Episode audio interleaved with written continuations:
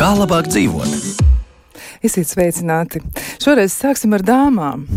Ir tāda tradīcija, ka 29. februārī, un šodien ir tieši šī diena, tātad garais gads, bildināt var arī vīrieti. Šī tradīcija ir ļoti populāra īrijā, bet šo tradīciju zina visā Skandināvijā. Parasti jau ir otrādi, ja vīrietis ir tas, kurš krīt uz ceļa un saka, vai tu būsi mana uz mūžīgiem laikiem līdz pat eh, tam brīdim, kad mūs eh, kāds apstākļus šķirs, bet eh, tomēr var darīt arī otrādi, un pie tam šī tradīcija ļoti, ļoti sena.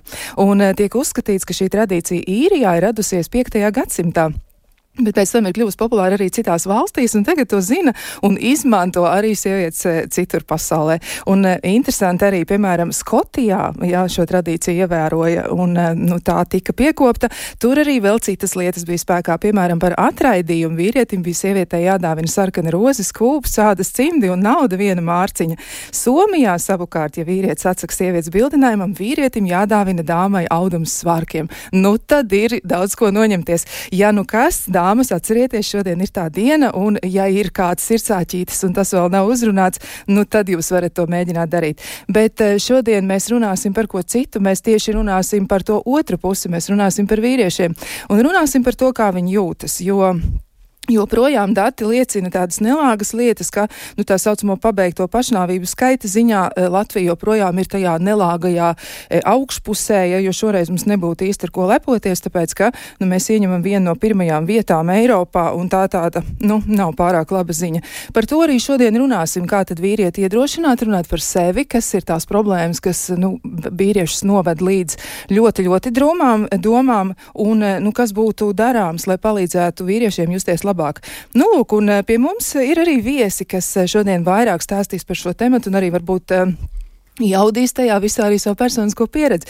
Un mēs esam uzaicinājuši šodien viesos Armānu Simpsonu. Es pat nezinu, ko lai saka, droši vien klausītāji vienkārši atpazīs Armānu Simpsonu. Nu, Saka vienkārši bijušais kolēģis. bijušais, bijušais kolēģis, jā, ļoti, ļoti jauki. E, tad vēl arī esam aicinājuši sarunā piedalīties biedrības ogle līdzdibinātāju Maigur Cepurīt. Sveicināt! Labdien! Un vēl pie mums ir arī Rīgas Stradiņa Universitātes psihosomatiskās medicīnas un psihoterapijas klīnikas galvenais ārsts Ernests Pūliņš Cīnis. Labrīt! Nu, lūk, vēl, protams, arī teikšu tā, ka tā komanda, kas ir, nu, nav redzama, nav dzirdama, bet ir tepat blakus, protams, ir arī raidījuma producente Loreta Bērziņa, bet pie skaņpulca ir Mārtiņš Paiglis un savukārt ar jums pašlaik runā Kristiāna Lapiņa. Nu, lūk, tad aiziet.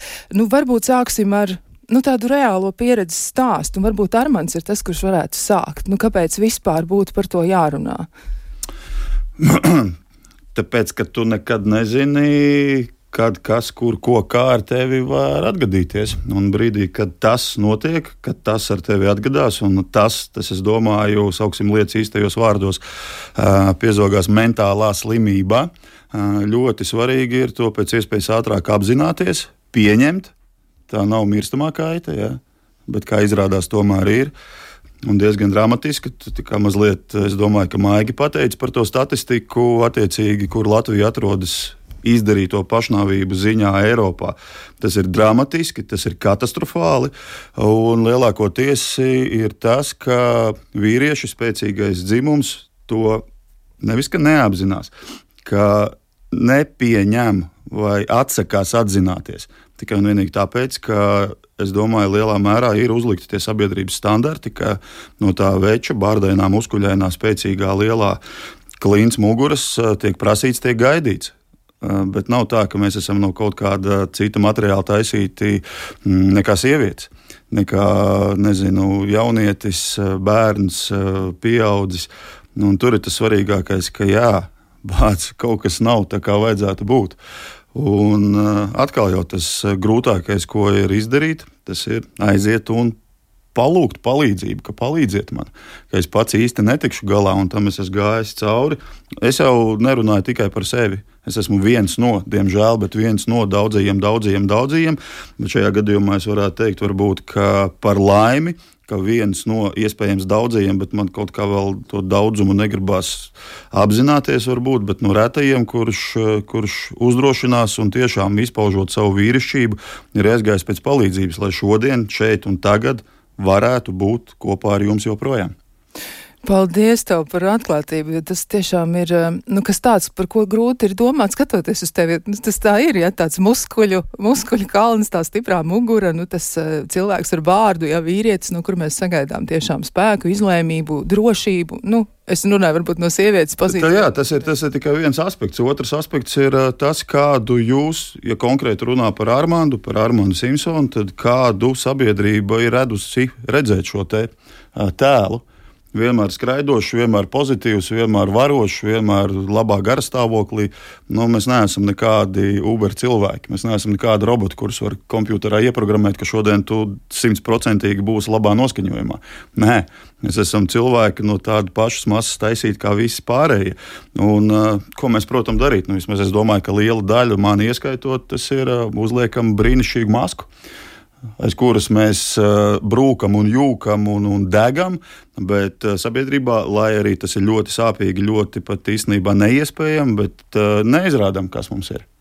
Jā, varbūt ir vērts arī uzreiz ķerties pie iemesliem, nu, kā tas nākas, ka joprojām mēs esam tajā nu, nelāgajā statistikā, pie tam patiešām tā vieta, kas mums ir ierādīta pēc cipariem, nu, nav tā, kur mēs gribētu būt. Tad eh, kas ir tas, kas eh, nu, visbiežāk varbūt būtu attiecināms tieši par cēloņiem runājot, kas varētu radīt šādu veidu problēmas sabiedrībai, jo tas ir milzīgs zaudējums. Kāds cilvēks eh, vai nu izlemj dzīvi izbeigt, vai arī viņš saskars ar mentālām problēmām, kas ir varbūt tieši saistīts ar kaut ko, ko mēs varētu novērst, tad varbūt mēs par to varam parunāt. Es domāju, tur noteikti dažādos līmeņos jāskatās. Viens ir tas, ka mēs vēl esam tāda postpadomju valsts, un tāpēc neesam tā teikt tik tuvu tādiem uh, eiropeiskiem standartiem, kur ir daudz vairāk tendence uz šo līdzvērtību, un, un kad visi, visi ir visi ir visi, un nu, tagad jau par dzīvumiem aiziet, bet ne par to šodien. Uh, bet tādā, tādā ļoti klasiskā, autoritārā režīmā vīrietis tiešām ir tas stiprais, vis, visvarošais, un nu, nu, mūsu tāda, tāda politiskā vēsture ir, kad mēs šobrīd, šobrīd šeit vēl joprojām esam tādi diezgan šķelti, ka vīrietis ir tas, kurš ies noteikti karā, un māte ir noteikti tā, kas uh, paliks mājās ar bērniem. Ne?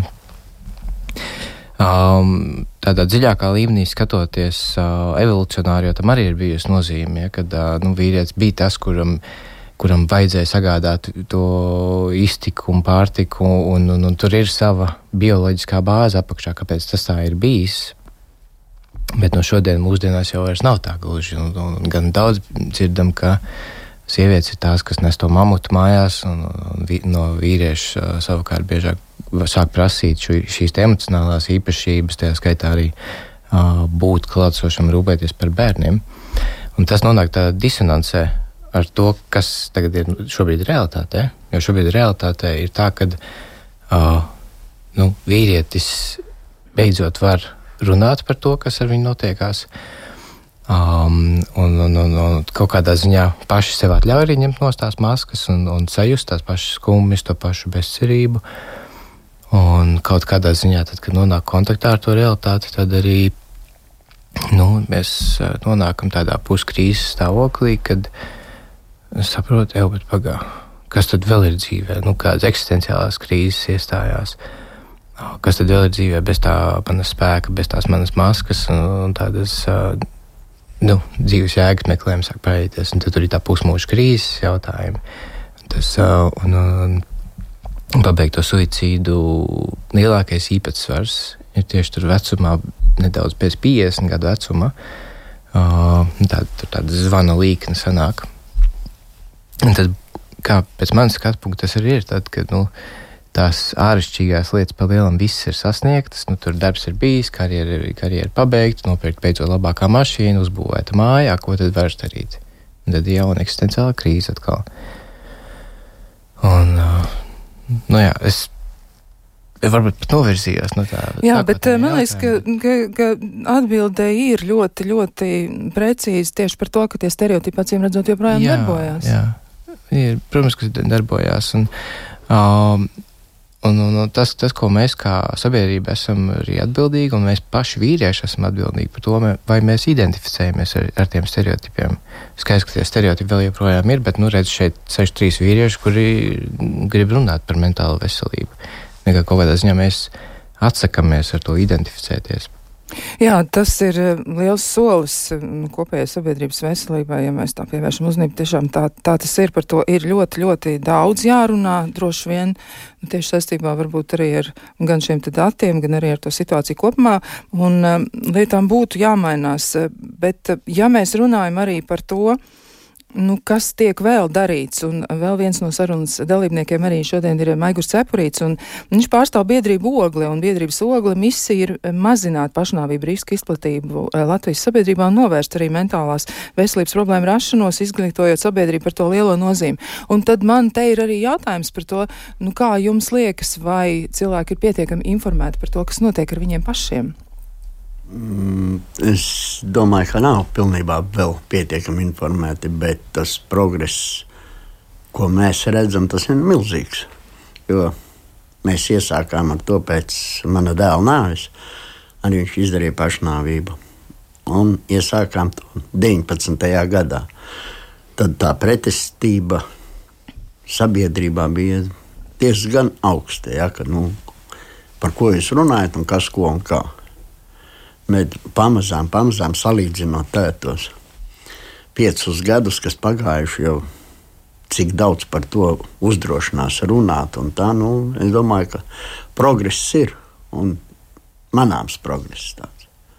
Jā, jūs arī rīkojat dažādus eh, pasākumus un arī iesaistāties dažādās kampaņās. Jūs mēģināt eh, informēt cilvēkus par to, kas varētu ar viņiem notikt.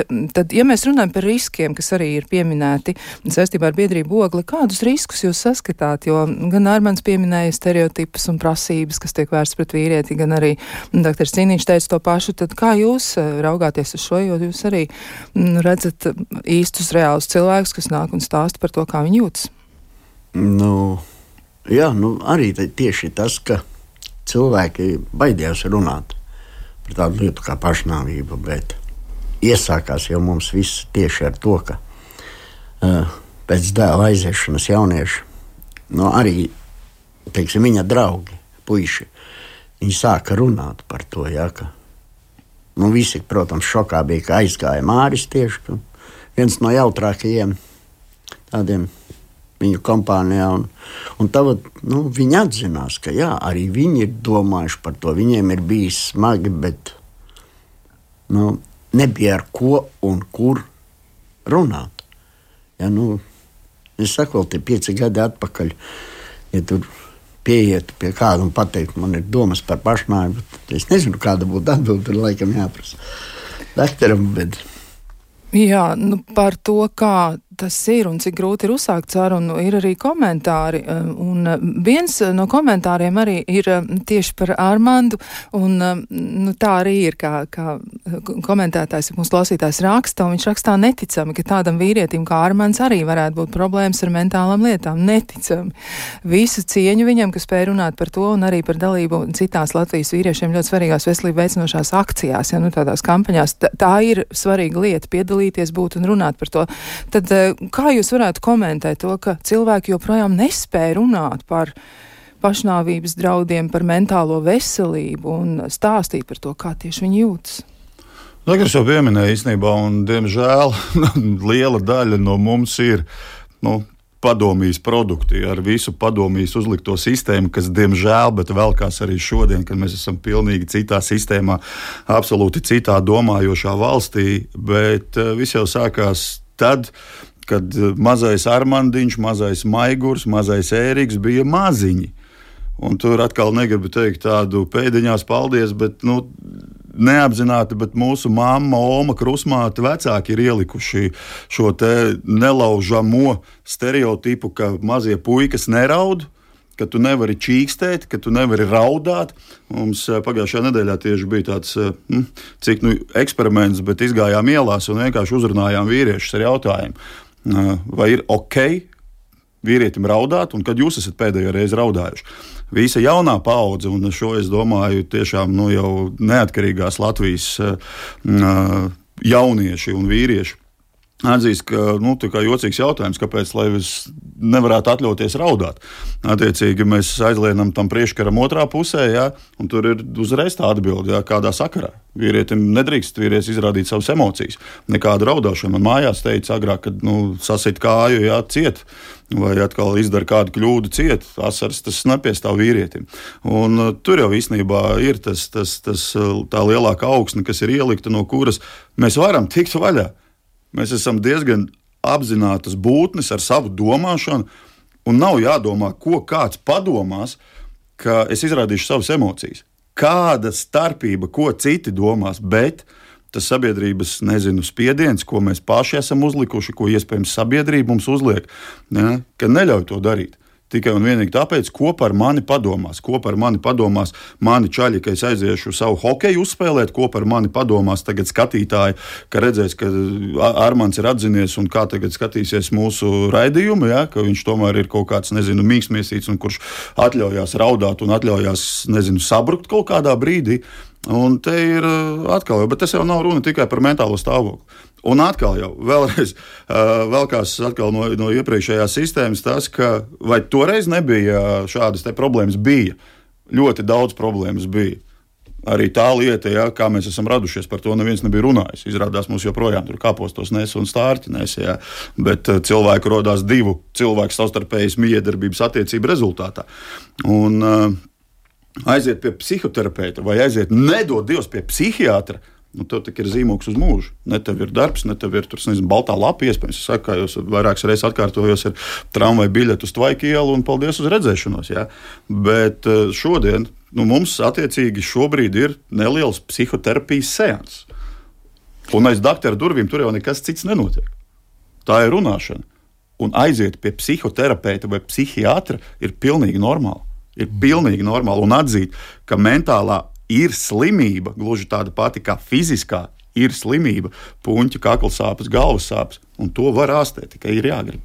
Jā, arī klausītāji iesaistās un saka tā, ka ko darīt, ja runāšana nav līdzēts, ja vienīgā palīdzība ir nepieņemama priekšlikumi. Nu, tas varētu būt kas viens, kas droši vien traucē virzīties, bet vēl arī tāds. Um, Papildinājums, eh, manuprāt, viens no lielākajiem nu, tādiem psihisko, ja psiho problēmu cēloņiem ir vīriešu izspiešana no vīriešu vides. Vīrietim ir svarīga viņa kultūra telpa, kur viņš var veidot eh, mikro un makro līmeņu pasaules. Vēsturiski tā bija armija, tehniskā vide, māksla un, protams, garīgā sfēra. Mūsdienās vīrietis vairs nevar realizēties, līdz ar to viņš kļūst lieks. Kā tad ir ar šo izjūtu, eh, nu, tādu spēju būt ar citiem un to kopības izjūtu vai spēju pašapliecināties? Ko saka paši vīrieši, kad viņi nāk uz terapiju un tomēr runā par sevi?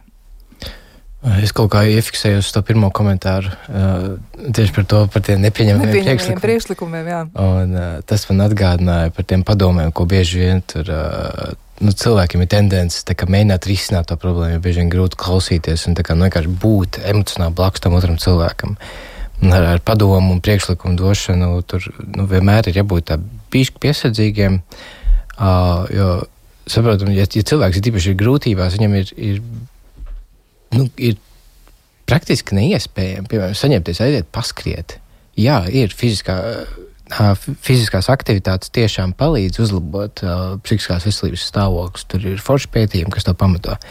Bet ir tādi stāvokļi, kur vienkārši nevar piecelties no gultas augšā. Kaut kad pagājušajā gadā bija vienā intervijā kopā ar vienu, ar vienu čali, kurš mēnesi, divus praktiski nebija izkāpis no gultas. Viņš burtiski čurāja kakāju turpatās praktiski neko neēd. Nu, tur minimāli tur kaut ko līdz, līdz leduskapiem un viss. Un, nu, Skaidrs, ka tādā smagā depresijas stāvoklī nav iespējams pašam par sevi parūpēties. Un kur nu vēl aiziet, forši paskriet, tādu, nu, tādu foršu riksīt. Ja? Uh, nu, kā, ar tiem padomiem vienmēr esam uzmanīgi, piesardzīgi, nu, kā, dodam viņus kā tādus ierosinājumus. Nu, un, un, ja mēs saprotam, ka otrs, otrs to negrib, nevar, nu, mēs sakam, ok, nu, labi, es tev es nespiežu. Nu, saku, kas man palīdzēja. Kaut kā tādā veidā, vairāk caur savu pieredzi, nevis caur to, ka tev noteikti tas palīdzēs. Ja tu to nedari, tā, tad tas ir pie vainas. Jā, nu, vēl arī, protams, ir vērts runāt par to, ar ko tas sākas, jo nu, cilvēks nenonāk vienā dienā pie domas, ka viņš uh, būs gatavs beigt savu dzīvi un ka viņš izdarīs pašnāvību. Tas tomēr ir process, kas nu, visticamāk sākas vēl kādu laiku pirms tam. Kas varētu par to liecināt, uh, ka ir grūti? Mm. Nu, pēc būtības jau kā jebkura cita slimība, ja kaut kas pamainās no, no ierastā, tad, tad, tad ir arī nu, jāsāk pievērst uzmanību pārsvarā lielākā daļa simptomi depresijai un visiem trauksmes traucējumiem ir, ir tieši tādi paši abiem dzīvumiem. Tur var būt nomāktība, noslēgtība, tur uh, pēkšņi tur agresīvāka braukšana nu, vai, vai kaut kādas nespēja iekļauties darba grafikos. Nu, nu, jebkuras izmaiņas, kas, kas notiek, nu, kaut kādā ziņā ir ievērības nozīmīgas un vienkārši nu, paskatīties, kas tur notiek. Un tad ir tādi vienkārši jautājumi, hm, kā tu jūties? Parasti ar to vienu nepietiek. Un tad cilvēks pasakā, ok, labi, saka, bet, nu, kā tu jūties? Tiešām. Un tad nu, uzdod vēlreiz, atkārtot un parāda to, ka tev ir interese. Un, uh, un tad cilvēks sapratīs, ah, pagaidi, viņš jautā ne tikai pieklājības pēc, bet viņš tiešām grib uzdot un parunāties. Bet šeit es, es gribu uzreiz uzsvērt vēl vienu ļoti svarīgu aspektu, lai, lai mēs nepiemirstam pēc tam, ka mēs gan daudz runājam par sabiedrības uzspiestiem tādiem tiem, tiem stereotipiem un sabiedrības atbildību un par to, lai mēs, mēs runājam, mēs nākam kur radio runāt un, un par to, re, kur, jā, nu, cik, cik tā bērnība mums gan daudz ir atstājušas sekas par to, kā nu, ir tā ar to frāzi vīrieši neraud un, un tā tālāk. Bet šodien katram vīrietim, skatoties uz sevi šodien, ok, mēs varam saprast sekas, bet tā atbildība šodien jāuzņemas pašam par sevi. Tev ir jābūt tādai kaut kādai mazajai iniciatīvai, aiziet ar kādu parunāt, aiziet paprast kādam palīdzību. Tā iniciatīvai gal galā ir jānāk no paša, no paša tā cilvēka. Un tu, tur es gribu iemest to akmentiņu, uh, nu, to, to cilvēku lauciņā, kuri cieši no depresijas un trauksmes. Un es šeit apzināti saku, cilvēku, nevi, lai abi, abi dzimumi īstenībā būtu. Jo tā ir, tā ir biežākā lieta, ka paši beidzot, beidzot nekur nevēršas pēc palīdzības. Kad ir, pašiem ir tā ideja, ka tā maska ir, ir jānotur, ir jātēlo tas stiprais, tas, tas uh, spējīgais cilvēks un, un, un, un neaiziet pēc palīdzības. Jā, nu, te es uzreiz arī gribu pajautāt, eh, tomēr arī Maiguram Cepurītim, jūs esat cilvēks, kas ir bijis blakus, un jūs teicāt arī, ka neviens nevarēja iedomāties, ka šis ļoti smaidīgais, jaukais puisis, eh, ka viņam iespējams klājas grūti, un tās var būt arī tādas situācijas, kur tie blakus esošie cilvēki, nu, šķiet lāgā pat nepamanu, viņiem nav pat iespējas reizēm to izdarīt, jo Nu, acīm redzot, tas cilvēks mēģina noslēpt to, kā viņš jūtas. Tad, ko jūs teiktu, kā pamanīt to, ka tam cilvēkam, kurš dzīvo mums līdzās, tomēr nav tik viegli? Nu, tagad jau pēc vairākiem gadiem to atceroties un domājot, un zinot, mēs, domāju, mēs būtu pamanījuši. Jo viņš pēkšņi kā Viņš strādāja Norvēģijā, ja naudas pietika visu. Tad viņš pēkšņi kā, nu, no turienes atbrauca, viņš paliks Latvijā. Un tā, un tā jau tas arī runas tās, ka nu, viņam sistēma neinteresē, viņš nepakļausies sistēmai, viņš pārcēlās dzīvot uz laukiem, jau tā kā viens pats. Bet arī nu, tādā pat laikā mēs ar viņu tur kopā pa laukiem, kad man bija brīvās dienas, strādājām. Es, tagad es to būtu noteikti pamanījis, ka nav kaut kas labi. Bet tajā laikā nu, likās, viss nu, drusku izmainījies. Viņš, bet, Tad aktieris saka, nu, tur tās niansītes jau nav tādas milzīgas. Ne visiem ir tā, ka viņš pēkšņi var izkāpt. Nevar vairs izkāpt no gultas vai kā. Ja? Mm -hmm. Citi iet un dara kaut ko un tā. Bet Nu, ir viņam tas grūti, smagi, un, un viņš nespēr to soli parunāt.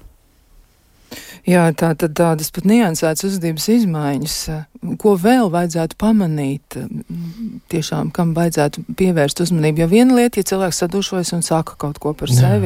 Bet kā mēs vēl varam pamanīt to, jo tas ir svarīgi arī, ka mēs varbūt spēram reizēm šo pirmo soli, ja mēs jūtamies nu, tā, ka izskatās, jā, ka tam cilvēkam vajadzētu kaut ko pajautāt, kā viņš jūtas. Nē, nu, skaidrs tāpat ir nomāktība, varbūt vai trauksmenība. Uh, tad, nu, kas pieminēja tā izmaiņas rīcībās, uzvedībās, uh, kad sāk izolēties no cilvēkiem un uh, nu, būt, būtībā tiešām jeb, jebkas netipisks tam cilvēkam.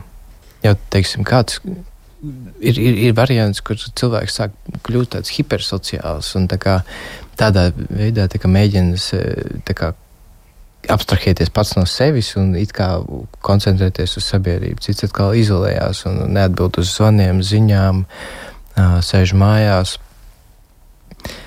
Um, var, varbūt diezgan, diezgan tiešā veidā viņam ir šis mēģinājums kādam pateikt, un viņš saka, ka nu, nav, nav laba diena. Un, un, un teiksim, ja mēs ja ar to pieklājīgo frāzi, kā tev vietu, ja kāds atbild, nu, nepārāk, nu, tā, tas jau ir, ir, ir karodziņš, nu, tad pajautāja, nu, bet, nu, kas tad ir, ka nepārāk? Ja ne šobrīd, varbūt pēc, pēc, pēc darba vai pēc tam satiekammies kādu citu reizi, sarunā uz priekšu. Tas ir viens tāds būtisks moments, ko mēs arī psihoterapijā kādreiz varam izmantot, tas, ka mums ir kaut kas sarunāts uz priekšu. Kad uh, ir kaut kāda mazā jēgas sajūta, vismaz sagaidīt to nākamo dienu, jo reku, man, reku cilvēks rēķinās ar mani, es būšu. Nu, no, un, ja, ja tā sarunā uz priekšu, tā viena mazā lieta var arī, var arī palīdzēt.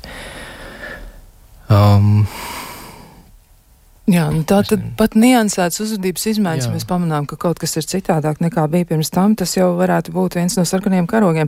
Nu, klausītāji arī raksta no dzīves pieredzes. Kad vīrietis nespēja pašapliecināties, sasniegt dzīvē materiālo labklājību, nevar sasniegt mērķus, tad tas beidzas bēdīgi. Sāk mierinājumu meklēt alkoholā un cerību sasniegt labklājību, spēlējot azartspēles, un pēc palīdzības nevēršas, jau nu nevērsīsies, tā tad arī, nu, droši vien ir par ļoti konkrētu situāciju runa, jo uzskat, ka pats tiks galā, un tās ir beigas, fināls beigas bēdīgs, cieši visi. Kā tad var palīdzēt, ja cilvēks eh, palīdzību nepieņem? Ja, tad kā iedrošināt to vīrieti, kurš, nu, acīm redzami cieši, kā iedrošināt viņu, kā viņam teikt tos vārdus, eh, lai viņu tomēr uzmundrinātu un iedrošinātu iet vismaz pie, pie speciālista aprunāties kaut to vienu reizi iesākumam. Uh, lielākā lieta arī tāda, es neesmu tiesīgs uh, kādam kaut ko ieteikt. Es tīri tikai un vienīgi varu dalīties ar, ar to savu mm, ceļojumu. Uh, to, ko doktors aprakstīja, tas viss ir super. Tas viss tā kā stāv rakstīts droši vien ieteikumu grāmatās, un lai tu tiec ārā no vai apzinājies, kad ar tevi kaut kas nav kārtībā, tā arī tās fiziskās slodzes vai dieniņa, cik tas ir pazīstams. Uh, Es zināju, es zināju personīgi, jā, ka, lai dabūtu to dopamīnu, serotonīnu, visu to laimes hormoniju, tev jākustina savs ķermenis. Es ar sakostiem zobiem šņurēju botus, gāju ārā skriet absolūti bez nekāda gandarījuma. Pilnīgi. Ja citreiz es gāju ārā un es daudz skrēju, izgāju ārā vienkārši izveidināties, kā, nu, nedomāt ne par ko ikdieniņās. tās domas tev vienkārši, tās emocijas, viss tev apēd, tev, tev pārņem visu. Un, kas ir ļoti svarīgi, saku, man ir personīgi man, es saku milzīgāko paldies savai ģimenei, un mana ģimene nav tikai mana mājas ģimene, kur man ir meitiņas, man ir sieviņas, un kaķis, suņi un kaķi, bet mana ģimene ir lielāka, mana māsa. Un, nu, viņi vislabāk redz īstenībā to, ko jūs arī pieminējāt, ka tas Armāns vairs nav tas Armāns. Ja, un ka runā ar tevi, un ka taujā tevi, prašņā tevi, iedrošina, uzmundrina, tic tev, bet lielākais jau tas, ka tajā brīdī, lai arī ko kāds tev teiktu, tu nevienam netici. Tu sev netici. Tu skatoties spogulī, rītā vakarā zobus mazgājot, labi, ja vari zobus izmazgāt vispār. Skaties spogulī, un tu tur tajā atspulgā vispār neko neredzi. Tā kā bezcerība, pilnīgāko bezcerību. Un ar tādu kā uzspiešanu nu, man arī tas nestrādāja. Es gāju pirmās divas reizes pirms diviem gadiem pie psihoterapeita tikai tāpēc, ka, ok, Māsa saka, ka es ar sevi netieku galā, sieva saka, ka es ar sevi netieku galā. Ok, labi, tad kā pakalpojot viņām, nu labi, tad es aiziešu. Jo man bija pārliecība, ka kaut kad jau būs ok, kaut kad jau būs ok, bet jo ilgāks tas laiks iet, jo ilgāk tas ok, tramvajs arī brauc projām. Vai man tajās dienās tās divas reizes, nu, divām reizēm nekas tur nepietiek, protams. Jā. Bet uh, arī psihoterapeitiem es neticēju. Es aizgāju klausījos, un kā, kādā saktu, ka uzredzu, nu nē, nu nē. Kurā brīdī tas kloķis tiek pagriezts uz ticības puses, es nezinu. Bet, uh, Tas notiek. bet otrajā, otrajā bedrē, jo man bija tādas divas, tādas ik pa pusgadam īstenībā, un laikam, cik es saprotu, paldies Dievam, tikai ik pa pusgadam. Otrajā tas bija tieši pirms gada. Tad jau es zināju, ka man ir jāiet. Man ir slikti. Es zinu, ka es sev neticu, bet es gāju, es gāju pie psihoterapeita, kura man nepatika, kura man riebās. Es gāju skriet ar sakostiem zobiem, es darīju visu pret savu gribu. Bet es zināju, ka tas man kaut kad palīdzēs.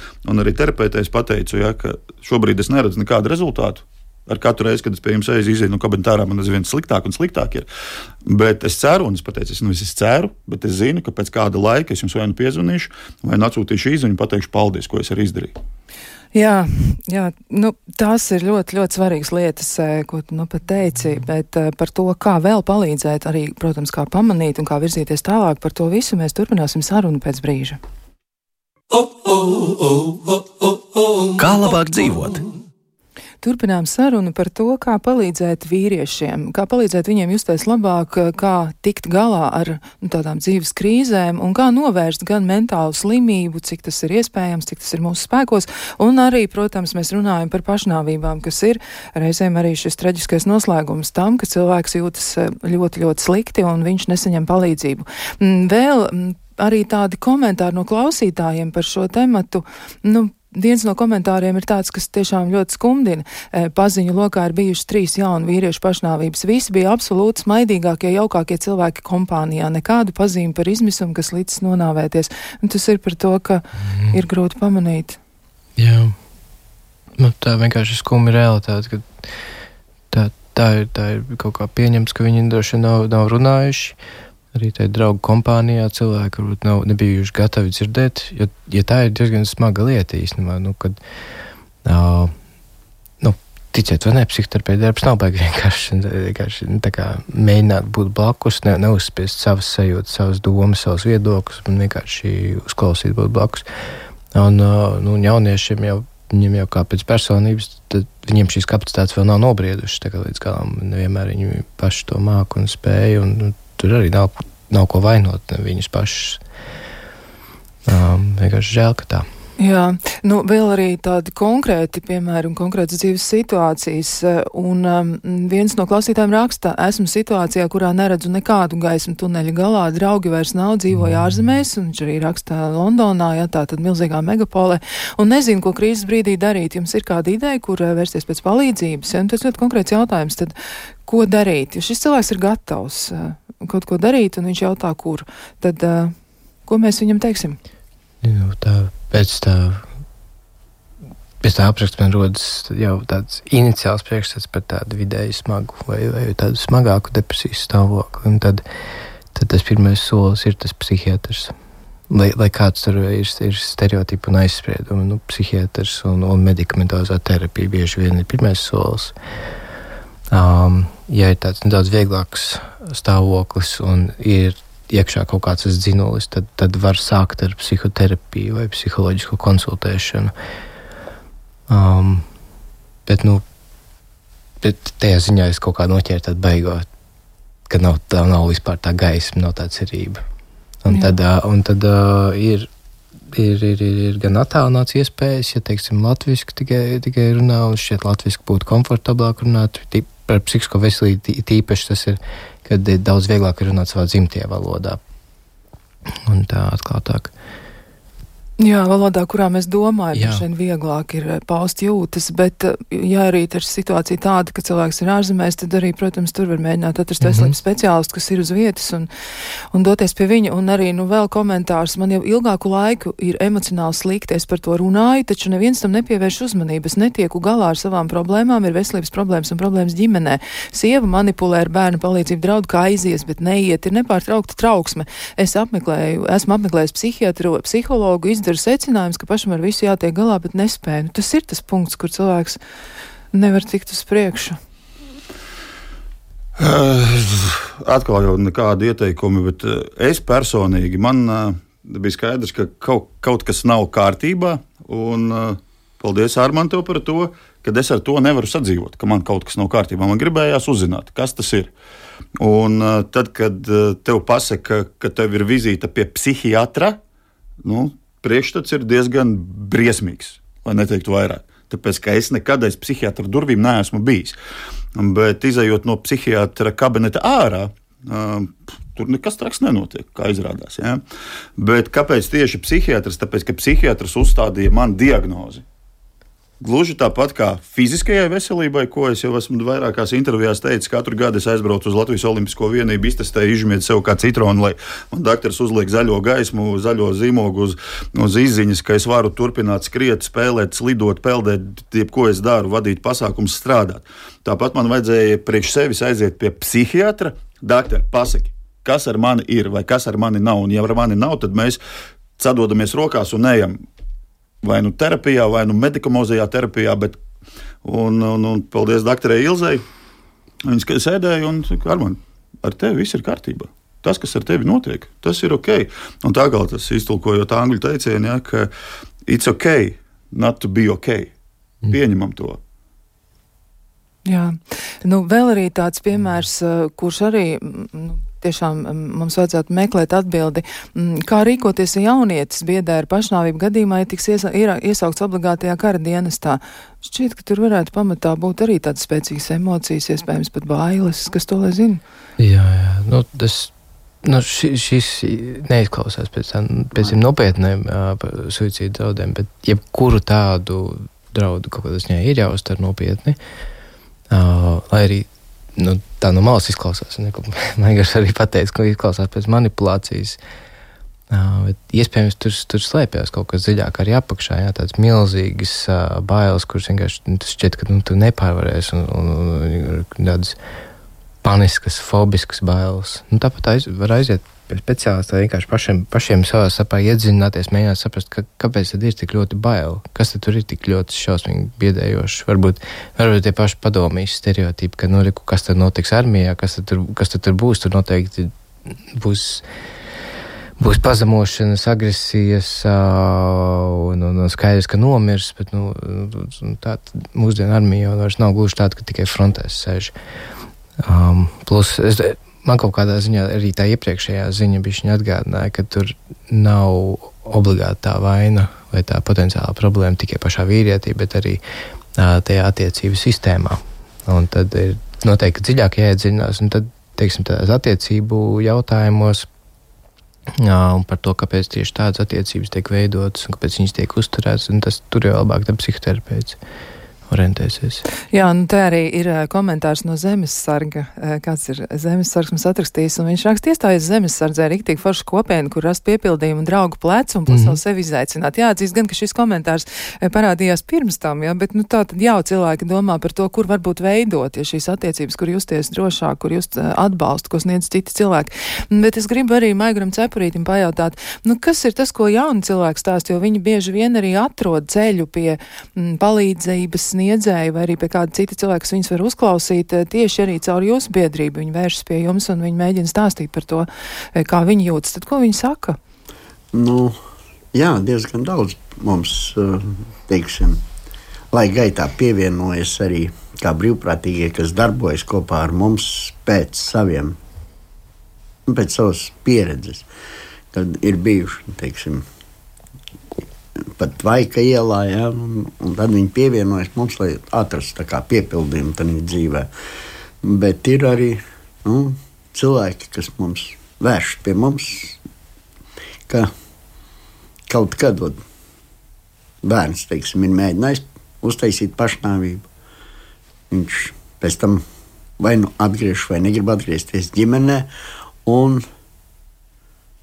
un sāk kad ap viņu sāk stingri tā lidināties, ir daļa, kas to atgriežoties, viņi sāk manipulēt. Ja? ka viņš negrib iet to, negrib darīt to. Ja kas man ir slikti, es, es atkal izdarīšu tā un tā. Nu, tie gadījumi ir ļoti daudz un dažādi.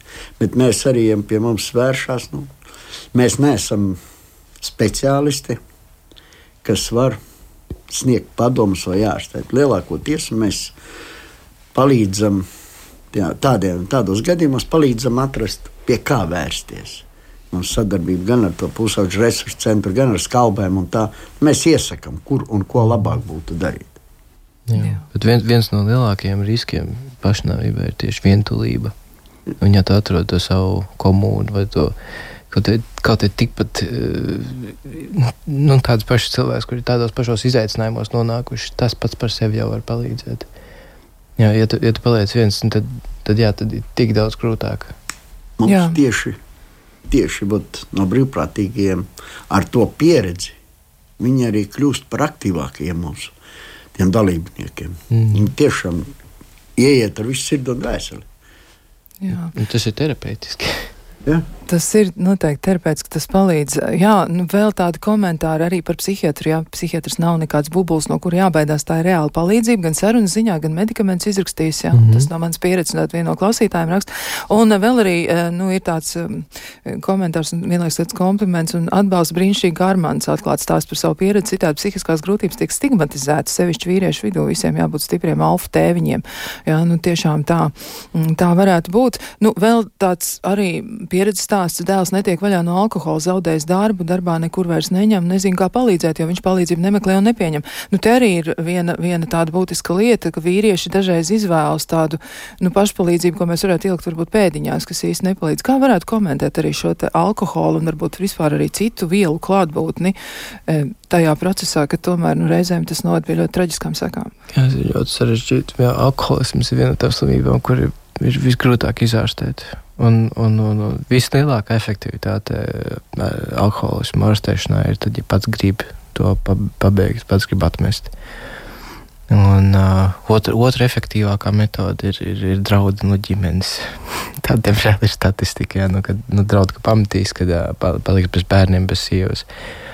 Um, ja tur, tā ir, nu, tur ir dzīves bioloģisks dzinulis smadzenēs uz, tā, uz to alkoholu. Ja tas tiešām jau ir alkoholisms, jau bieži ir tā, ka tas ir, ir vienkārši neveselīga coping stratēģija, un vēl ir iespēja pārslēgties uz citām metodēm. Tas ne, nenozīmē, ka uzreiz ir alkoholisms, kā, kā slimība, kur iet pie, pie narkologa. Bet, um, bet Tas pats narkotikas tieši tāpat tās. Viņš jau nav tāds pats bubulis kā psihologs. Jā, viņš ļoti labs palīgs šajā jā, procesā. Jā, jā, jā. Viņš varētu palīdzēt atrisināt uh, tās grūtības, kas ir mm -hmm. radušās. Nu, vēl arī jautājums ir par to, kā veidot to savu dzīvi, jo viena no klausītājiem raksta liela nozīme ir uzturam, jā, vai nav par daudz uh, kaut kas, kam nevajadzētu tur būt saldumu, jā, un dar aiziet pie ārsta un arī uztaisīt analīzes. Nu, tas varētu būt tajā posmā, kas ir pirms, jā, šī pat trauksme, depresija, viss šie stāvokļi. Jā, uzturs līdzīgi kā fiziskās aktivitātes spēlē lomu tas nebūs noteicošais un vienīgais faktors ar, ar, ar vāju uzturu, bet ar labu atbalstu sistēmu, labām fiziskajām aktivitātēm, skaistu bērnību, tur nebūs depresija.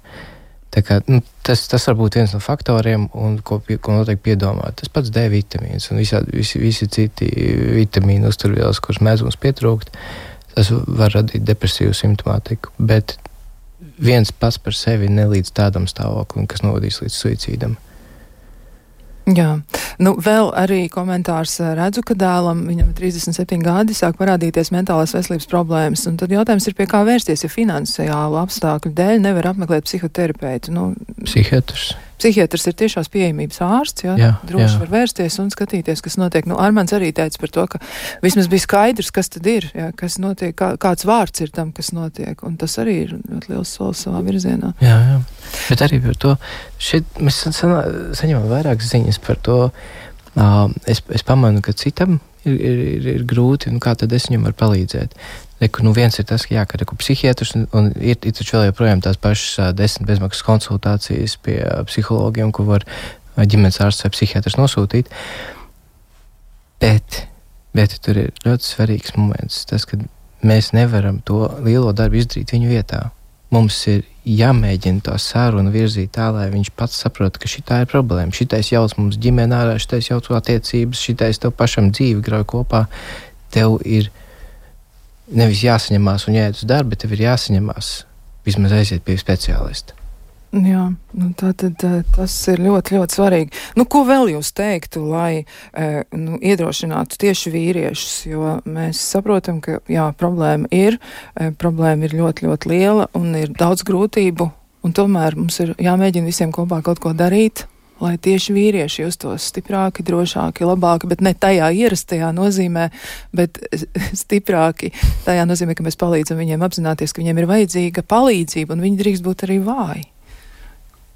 Man personīgi bija ļoti svarīgi, no kā es visvairāk baidījos, ka es biju sev iestāstījis, ka es esmu viens tāds kuku.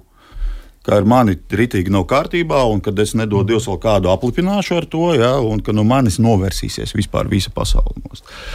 Un tad, kad pagājušā gada novembrī es arī pie jūsu kolēģiem televīzijā dzīvē bez melnraksta vienkārši priekš sevis nolēmu atstāt savu stāstu ar domu, varbūt kāds sadzirdēs, varbūt kādam tas noderēs.